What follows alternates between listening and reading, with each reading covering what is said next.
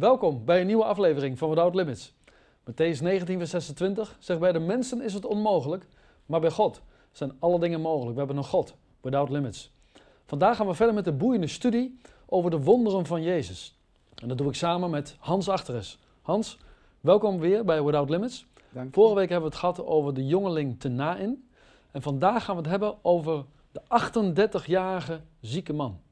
Ja, klopt. Ja. Dat, eh, daar gaan we wat met elkaar over delen, maar we willen, ik wil graag dat we samen eens lezen, of als jij dat wil lezen, Johannes 5, vers 1 tot en met 6. Ja. Een genezing op Sabbat staat erboven. Daarna was er een feest der Joden en Jezus ging op naar Jeruzalem. Nu is er te Jeruzalem bij de schaapspoort een bad, dat in het Hebreeuws de bijnaam Bethesda draagt. Met vijf zuilengangen. Daarin lag een menigte zieken, blinden, verlamden en verschrompelden, die wachten op de beweging van het water. Want van tijd tot tijd daalde een engel des Heren neder in het bad. Dan bewoog het water. Wie er dan het eerst inkwam, na de beweging van het water, werd gezond, wat voor een ziekte hij ook had. En daar was een man die reeds 38 jaar lang ziek geweest was. Hem zag Jezus liggen. En daar, was hij, en daar hij wist dat hij daar reeds lange tijd was, zeide hij tot hem: Wilt gij gezond worden? Ja, daar lagen, eh, Henk, nogal wat mensen eh, van allerlei soort en met erge kwalen en ziekten. Maar nou staat er in vers 6, en hem zag Jezus liggen. Ja. En dat spreekt mij zo onvoorstelbaar aan. Jezus heeft oog voor jou, voor mij, voor de enkeling. Voor diegene die inderdaad, ja, daar maar alleen is of ligt. En dat zie je meer bij Jezus. Ik denk aan dat hij op weg naar Jeruzalem was met de discipelen. Een hele mensenschare weer om hem heen. En hij loopt daar min of meer onder een boom en daar zit dan Zacchaeus in. En hij kijkt op dat moment naar boven en hij weet ook zijn naam. En hij zegt, Zacchaeus, hè, Ja. ik wil nu of heden in je huis zijn. Ja. En van het een krijg je het ander, want als Jezus in je leven komt, dan gebeurt er wat. Bloedvloeiende vrouw, hè, die vrouw die, die eh, te midden van onvoorstelbaar veel mensen, raakt ze Jezus aan. Niet opdat zij hoopt dat ze op zal vallen, integendeel, maar natuurlijk genezen zou worden. Ja. Maar Jezus zegt, er is kracht van me uitgegaan. Wie heeft me aangeraakt? Ja, die Ja. vrouw die vindt het geweldig, want die bemerkt, er is kracht tot herstel van, van Jezus uitgegaan. Maar ze wou eigenlijk liever niet opvallen. Ja. Maar ja, als we Jezus aanraken en Jezus raakt ons aan, dan vallen we op bij de mensen. Want dan raken we in vuur en vlam. Dan hebben we een ontmoeting. Nou, denk eens aan het kruis, dat Jezus aan het kruis hing, maar hij heeft nog oog voor die enkeling. Zijn eigen aardse moeder, Maria. Hij zegt tegen die ander van zorg voor haar, om het zo uit te drukken.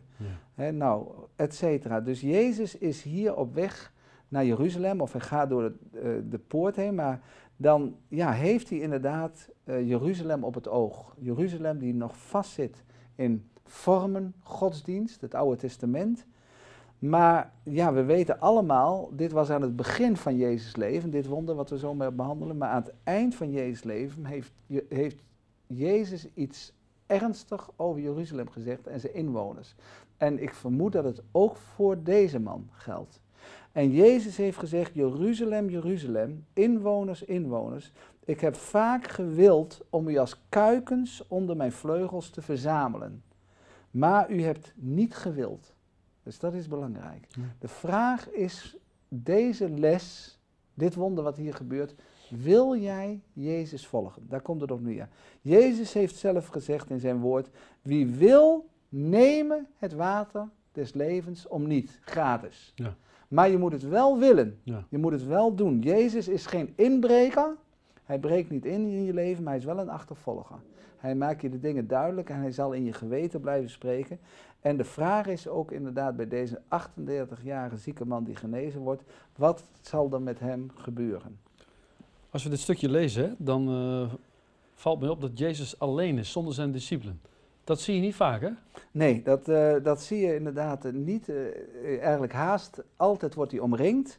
Maar in dit geval zie je dat hij alleen is met een bedoeling, met een duidelijke bedoeling. Want hij presenteert zich of poneert zich, hoe je het wil zeggen, als een persoon En Jezus heeft gezegd, ik ben. En hij heeft veel gezegd over ik ben. Maar die persoon moest gaan ontdekken dat hij de goddelijke ik ben was. En daarom mochten er geen andere mensen in zijn omtrek zijn. Die persoon moest geconfronteerd worden met één man, één mens, één God, om het zo uit te drukken. Hmm. En eh, dan zie je hem inderdaad zo na deze man toegaan door de schaapspoort Jeruzalem eh, binnen. Ja, jij zegt die schaapspoort, hè? Maar eh, in de Bijbel zien we vaker dat er over een poort gesproken wordt.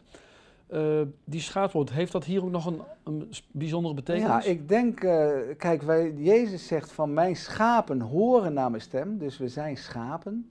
Nou, Ja. bokken, eh, ik denk als je veel bokken hebt en je gaat bij een kinderboerderij en je hebt een klein kind bij je, dat je het altijd denkt van nou, een beetje opletten.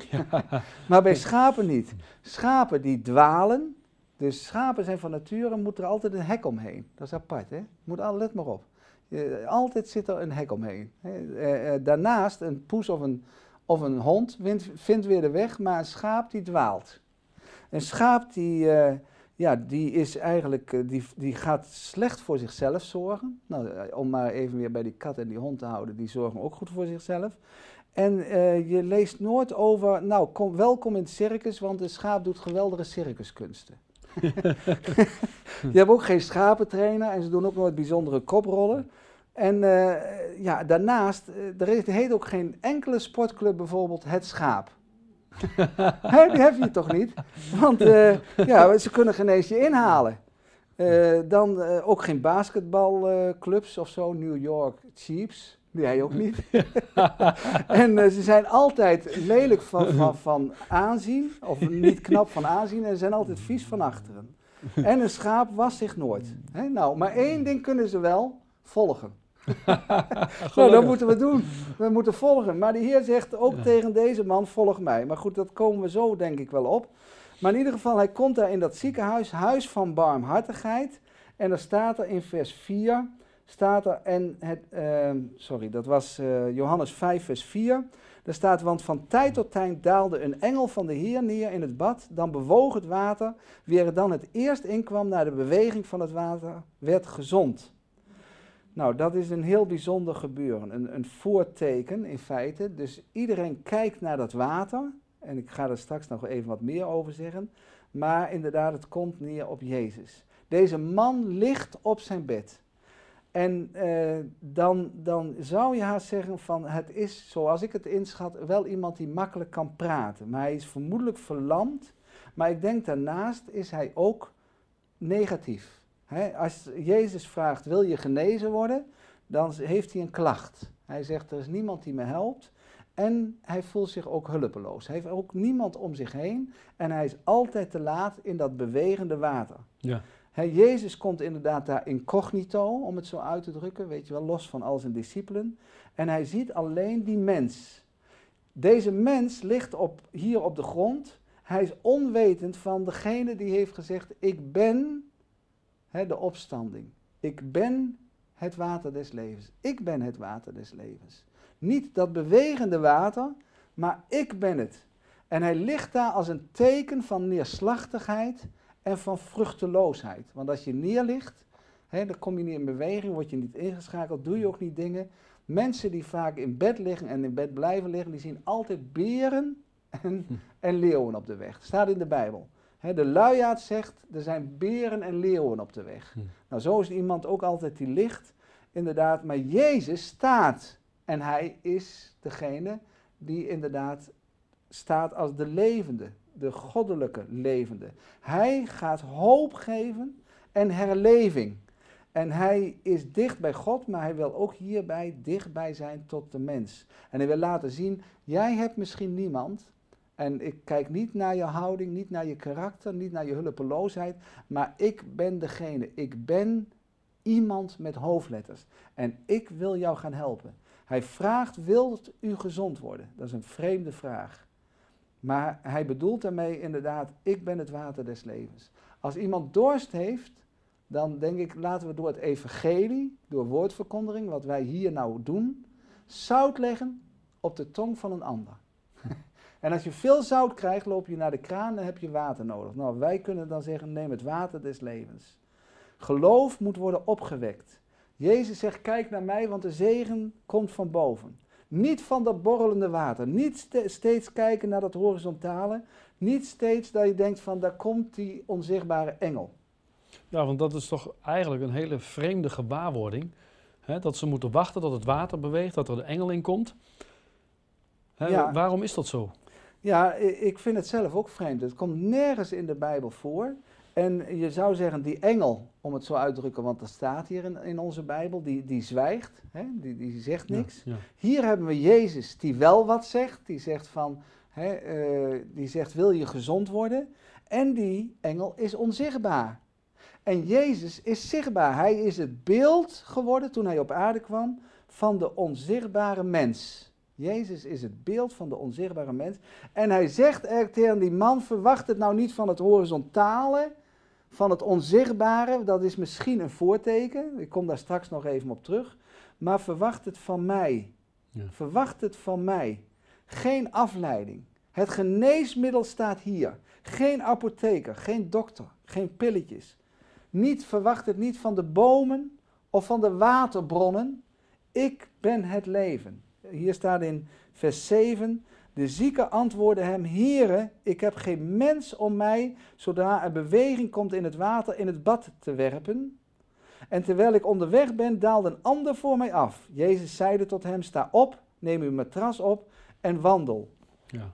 En terstond werd de man gezond en nam zijn matras op en ging zijns weeg. Uh, nou, er staat in de Bijbel, hij heeft onze ziekte gedragen. Er staat geprofiteerd, ongeveer, meen ik, 600 jaar voordat Christus kwam, of 800 jaar voordat Christus kwam, staat er dat hij, Jezus, zal onze ziekte en onze zwakheden op zich nemen. Wij mogen vertrouwen, heren, wilt u inderdaad laten zien dat u de geneesheer bent. Nochtans, onze ziekte heeft hij op zich genomen. Dat staat in Jesaja 53, vers 4. En onze smarten gedragen. Wij echter hielden hem voor een geplaagde. Wij dachten, wat, wat kan zo iemand, zo'n man aan het kruis, die ook nog sterft, voor ons betekenen? Maar hij stond op uit de dood. Wij echter hielden hem voor een geplaagde. Een door God geslagene en verdrukte. Maar hij werd tot de grootste zegen op het, in, eh, in het heelal. Ja. Hij werd een geplaagde. Maar wij moeten opzien naar het kruis. Opzien na, zoals wij het als mensen zagen, een vervloekte slang. Weg met hem. Maar daardoor zal de genezing en herstel komen. 38 jaar ziek. Jezus die zegt, je zou haast zeggen, Jezus kon ook net zo goed tegen hem zeggen, wilt u sterven? Had hij misschien gezegd, ja graag. Ja, ja. Maar Jezus inderdaad is de waarheid En het leven. en het leven. Hij gaat even terug, ga, ik ga even terug voor de genezing. Ja. Vraag, de vraag van Jezus is van, ehm, zou je inderdaad gezond willen worden? Hij zegt niet ja, hij zegt ook niet nee, hè, want, want ik vind het hier gezellig, ik, ik lig hier goed. Laat mij hier nog even liggen. Nee, hij heeft een klacht. Niemand helpt me en ik ben altijd te laat. Misschien was dat terecht. Hij was 38 jaar ziek, dat kunnen we en niemand van ons, denk ik, indenken. Misschien was het onterecht, onterecht. Misschien was het dat hij te veel was bezig met zichzelf. Niemand wou hem ook meer helpen. Hij trok zich terug, hij was gefrustreerd, hij moest zich afreageren, hij isoleerde zich en hij was, om het zo uit te drukken, inderdaad ook letterlijk en figuurlijk zielig. Misschien dat anderen hem zelfs een zuur vonden hè, en verwijten maakten. En hij was ondertussen bitter geworden en vermoedelijk onaangenaam. Het was stiller geworden in, in, in zijn omgeving. Hij voelde zich hopeloos. En telkens was daar die opwelling van het water, deining of een golf van genezing. En dan ja, was hij kwaad, omdat hij altijd te laat was. Niemand hielp hem meer. Geen engel, geen leven, geen God, geen medemens.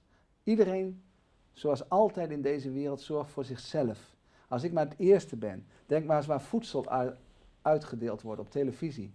Hoe, hoe dan mensen inderdaad elkaar kunnen, om het zo uit te drukken, vertrappen. Hoe de armen grijpen. En daar ligt hij, die man, die ellendige mens, ik, op die verlammende matras. En dan die concurrentie. Wij zouden zeggen, een beetje raar uitgedrukt, rollatorrace. Hè? Zit allemaal met een probleem. Maar we, we zijn altijd te laat. Nou, zo zijn de mensen. We zijn er als de kippen bij, als de eten uitgedeeld wordt. Maar we zullen niet direct natuurlijk aan die ander denken. Maar nou denk Jezus, die is daar voor die ander. Hè, dus eh, hij, hij, en Jezus zegt, raak niet in de band van dat gekke water.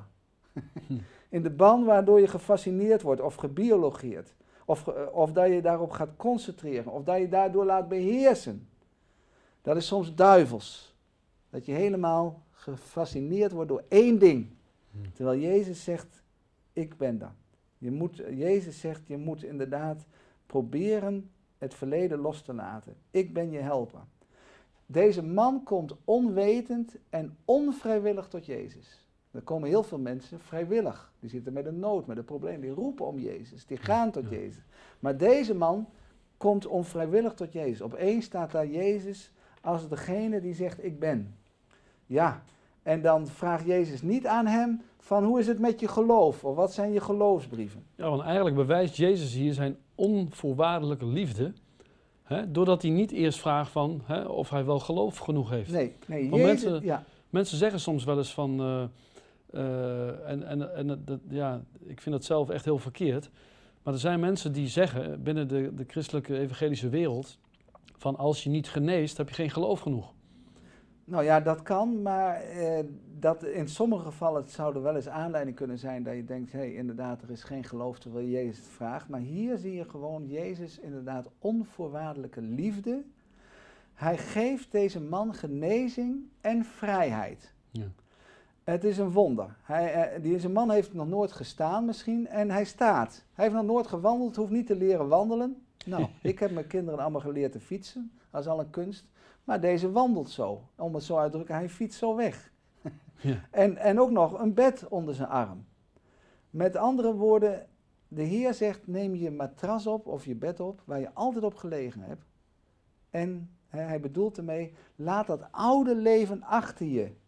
Laat dat oude leven achter je. Maar, en daar heb ik een grote maar met hoofdletter staan. Deze man staat op, hij wandelt, hij neemt het bed op en je hebt de indruk, hij gaat zijn gang. Er staat letterlijk en ging zijn zweeg. Ja. Mijn overtuiging is, hij ging zijn eigen weg. Als jij door iemand zo op een bijzondere wijze genezen wordt, je voelt het, je merkt het, je staat, je loopt, je denkt, dit kan niet waar zijn. Nou, is er dan, is er dan geen bedankje? dat is geen bedankje. Hij loopt, hij loopt zomaar weg. Dat is een goede om, om, om over na te denken. Ja. Maar is dat niet opmerkelijk dat hij geen bedankje had? Ja, nou, kijk, overal waar Jezus wonderen doet, behalve bij de, de, de uh, meen ik, de blinden, daar komen één komt terug om hem te bedanken, de andere niet. Maar goed, hier zou je zeggen, gebeurt dit direct voor één persoon. Uh, bij de hoveling zie je direct in Johannes 4, dat hoofdstuk ervoor, dat, dat hij uh, vertelt van het wonder en zijn hele huis komt tot geloof. Maar deze man wandelt weg van Jezus. Hij geeft er geen bedankje, is niet, is niet onder de indruk van de aanraking, om het zo uit te drukken. Maar hij laat de rug zien aan Jezus en wandelt weg.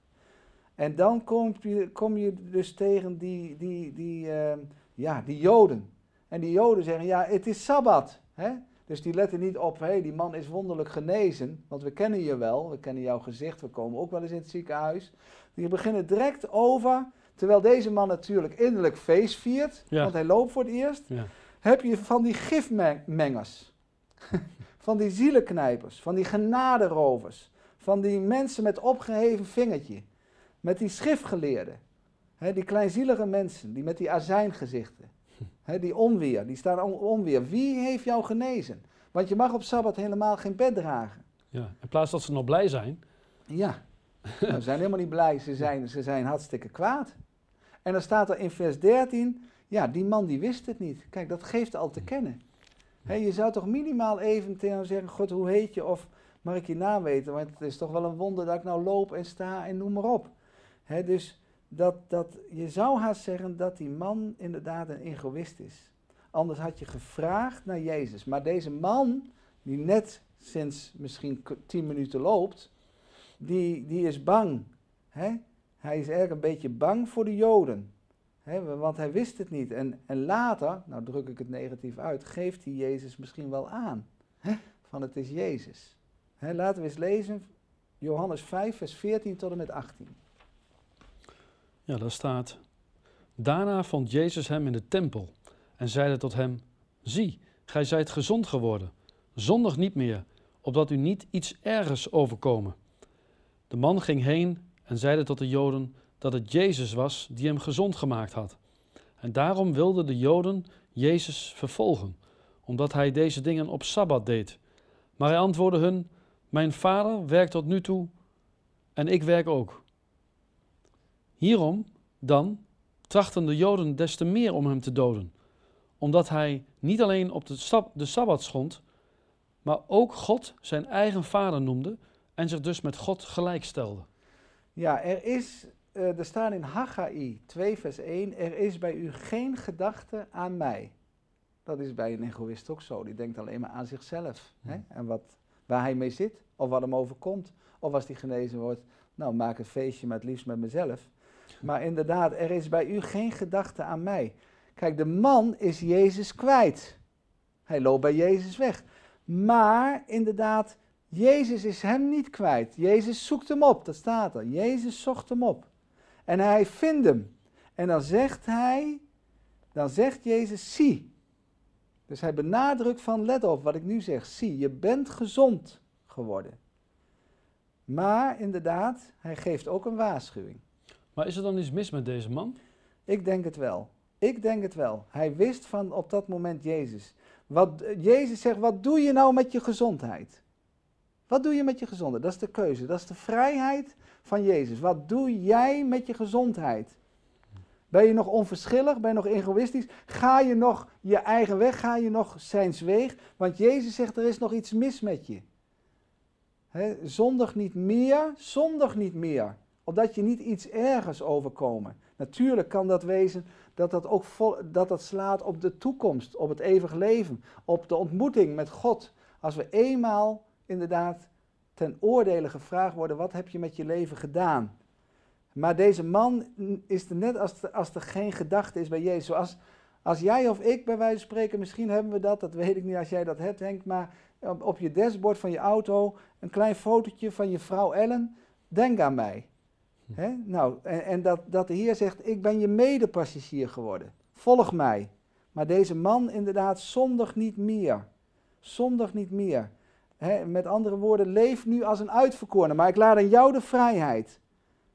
Ik laat aan jou de vrijheid. Jij die 38 jaar ziek bent geworden en genezen door mij, ik laat aan jou de vrijheid. Volg je mij of ga je nog steeds je eigen weg? En dan een tragedie zoals ik het zie in vers 15. De man die bedankt hem nog weer niet opnieuw. Hij is niet onder de indruk. De man ging heen. Zie je dat? De man ging heen. Niet geraakt, niet onder de indruk, niet dankbaar, niet God de eer geven, geen bedankje. Hij keert opnieuw zijn rug toe. Hij gaat zijn eigen weg, net als de rijke jongeling, die had nog iets wat hem vasthield. En Jezus zegt, verkoop alles.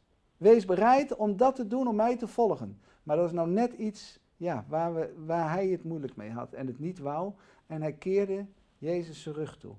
En Jezus keek, om het zo uit te drukken, bedroefd hem na. denk aan de overspelige vrouw. Die kwam zo onvrijwillig bij Jezus, want ze had overspel gepleegd. Jezus zegt niet, nou ben je van mij en je volgt mij. Nee, hij geeft haar de vrijheid. Gaat heen en zondig niet meer. Je krijgt tijd en ruimte om mij te volgen, om, mij, om, om je naar mij toe te keren. Maar wat is het effect, dat is ook de, de vraag aan de kijkers vandaag. Wat is het effect van Jezus op uw leven? Wat voor effect heeft hij op u? Jezus waarschuwt deze man. Hij loopt zo het verhaal uit. Punt. Hij viel voor Jezus niet neer op de knieën. Hij omhelsde hem niet. Maar hij boodschapte de Joden. Joden waarvan hij wist dat ze kwaad waren. Boos. Want er staat in hetzelfde stukje en ze wouden hem doden. Lees maar eens in vers 18. Ja, daar staat. Hierom dan trachten de Joden des te meer hem te doden, omdat hij niet alleen de Sabbat schond, maar ook God zijn eigen vader noemde en zich dus met God gelijkstelde. Het is verwonderlijk dat deze man die 38 jaar ziek was, het niet voor Jezus opnam. Hij moest weten dat deze kennisgeving was schadelijk voor Jezus. Ja. Dat wist hij, op grond al van de eerste ontmoeting met de Joden. Hij inderdaad liet zijn weldoener voor wat het was. Hij wou zichzelf beschermen. Maar Jezus waarschuwt ook u, tv-kijkers, heb je het licht lief, dan ga je tot Hem. Haat je het licht, dan ga je je eigen weg. Ga, ben je een navolger van Jezus, dan doen we goede werken. Ga je eigen weg, dan doe je kwade werken. Mijn opmerking is eigenlijk een vraag aan u. Wat doet u met uw gezonde leven ten opzichte van Jezus Christus? Nou Hans, dat is mooi om af te sluiten. Ja, Hartelijk dank voor deze aflevering van Without Limits. Geweldig hoe je dat allemaal uitlegt. Echt, ik denk een, eh, ja, echt een praktische boodschap. Hè, hoe we dat ook in ons dagelijks leven hiermee om kunnen gaan. Eh, we hebben nog een korte tijd. Misschien kun je nog even uitleggen wat we volgende week kunnen verwachten. Eh, volgende week gaat het over de zwaar bezetenen. Nou, daar, daar wordt een man beschreven en dat is een waargebeurd verhaal natuurlijk, zoals alle verhalen in het evangelie. Waarin we zien dat iemand buiten zinnen, eh, gewoon een krankzinnige, in de ergste soort, totaal komt tot een gewoon normaal, gezond mens door de kracht van het evangelie. Ja. Dus dat is, eh, dat is dan- bijzonder. Dat is wonder nummer drie wat we gaan behandelen. Ja. Van, de, van, de, van de twaalf wonderen. Prachtig. Bij. Jezus, zoals we ook bij deze man zien, zijn geen hopeloze gevallen. Voor ons mensen soms heb je de indruk van wel, maar bij Jezus niet. Ja. Voor degenen die geloven, kunnen dat gerust doorgeven aan anderen. Jezus geeft hoop in hopeloze situaties. Ja. Prijs zijn naam. Amen. Amen.